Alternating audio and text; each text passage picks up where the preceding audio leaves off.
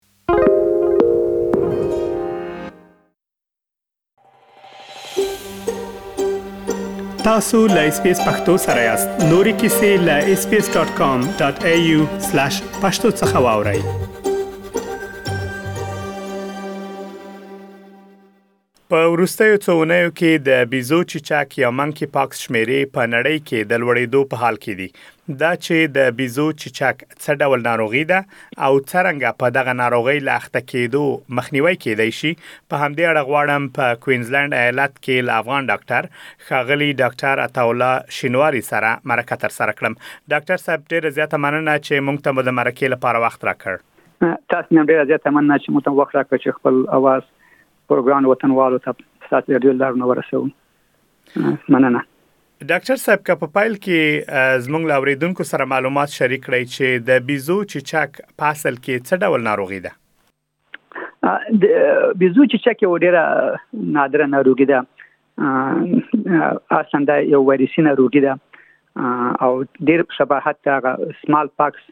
یا موږ ته چې چک یو د هغه ناروغۍ سره ورته والی لري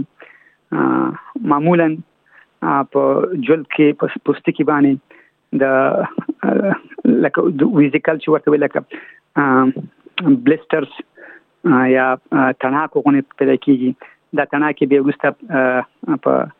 پښچول باندې یعنی لکه کیخ پکې جمع شي او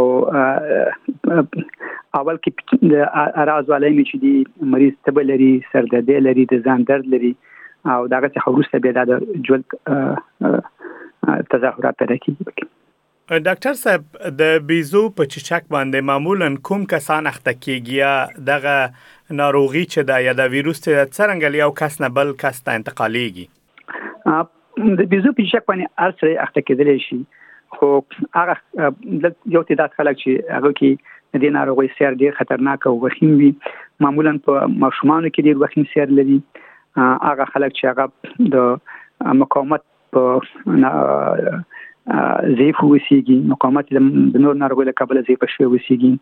په عامله ښځو کې دا ناروغي معمولا ډېره وخیم سیر لري او په زړو خلکو کې او د انتقال لارې چې دا زیاتره مستقیم تماس دی چې یو هغه سره چې په دې ناروغي باندې اخته وسیږي دا غره تماس ته بل شخص سره نور جنسي لارو څخه هم کې د شي د انتقال صورت ونیسيږي او کله کله د سې کې د شي چې د تنفسي قطرات لار څخه چې اوسره په ناروغي اخته وسیږي هغه قطرات ته وجود راشي نو کې د شي چې په دې باندې اخته شي ناروغ په سالم شخص په اخته شي د د مخنیوي لپاره هغه سټانډرډ کم حفظ صحیح دغه چې دی لارې چارې چې دی باید مراعات شي لکه د ماسک په استعمال شي که چې تر سره مشکوک وسیږي باید د مستقیم تماس څخه باید ځان وژغوري نور څخه او په مجموع کې واکسین چې د دې خپل خاص واکسین تر اوسه پورې نشته خو د سمال پاک چې موږ ته چې چک ناروغي او دا غو واکسین کولای شي چې د په مخنیوي کې هم ضروري وي ډاکټر صاحب که چیرې یو کس تاسو اشاره وکړه چې په دغه ناروغي اخته شي نو هغه پر بدن باندې یو ډول تڼاک یا داسې څه چې راوځي هغه خو یو له علایمو څخه ده غیر له دې نه کومې نښې نښانې که او کس ولري باید ډاکټر ته مراجعه وکړي او خدای شته د دې ناروغي هغه اراس علایم چې دي په نور ډیر ناروغانو کې د شي چې عام همدا ناروغي د داسې اعراض ولایم ولري خصوصا په وایرسي ناروغانو کې مریض تبه لري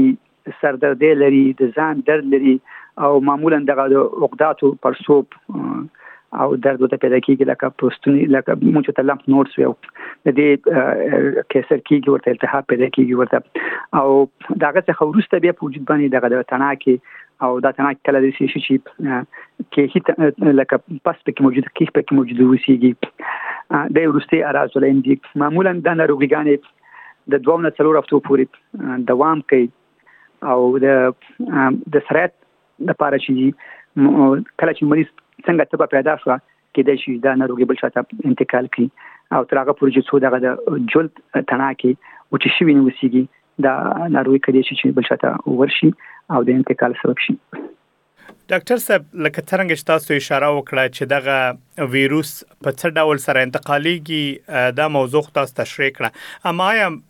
موقعیت د یو هیواد یا یو هیواد چیرته پروت دی دا هم تاثیر لري څه خل هوا لري دا هم تاثیر لري په دغه ناروغي یا دغه ویروس په خبرېدو کې معمولا دا ناروغي په هغه ملکونو کې چې د صحي ضعیف وسیږي ډېر زیاتې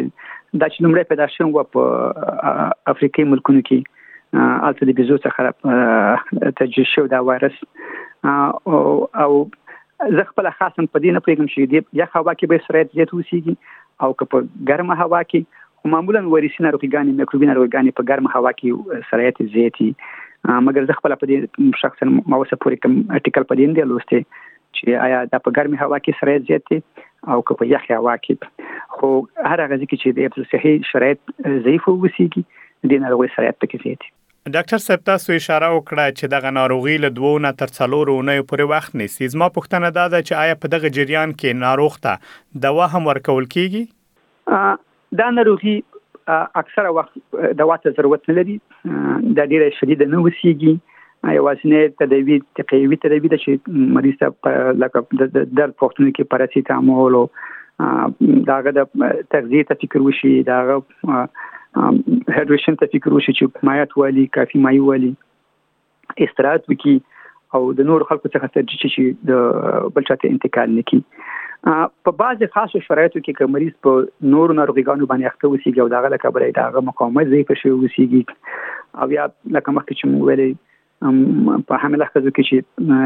سیر شدید وسیږي نو په دې شرایطو کې کله کله د وایرس ضد دواګانې هم استعمالیدلی شي خو په عمومي کې دا ناروغي خاصه تداوی نه لري او د قوي تداوی توصیه کیږي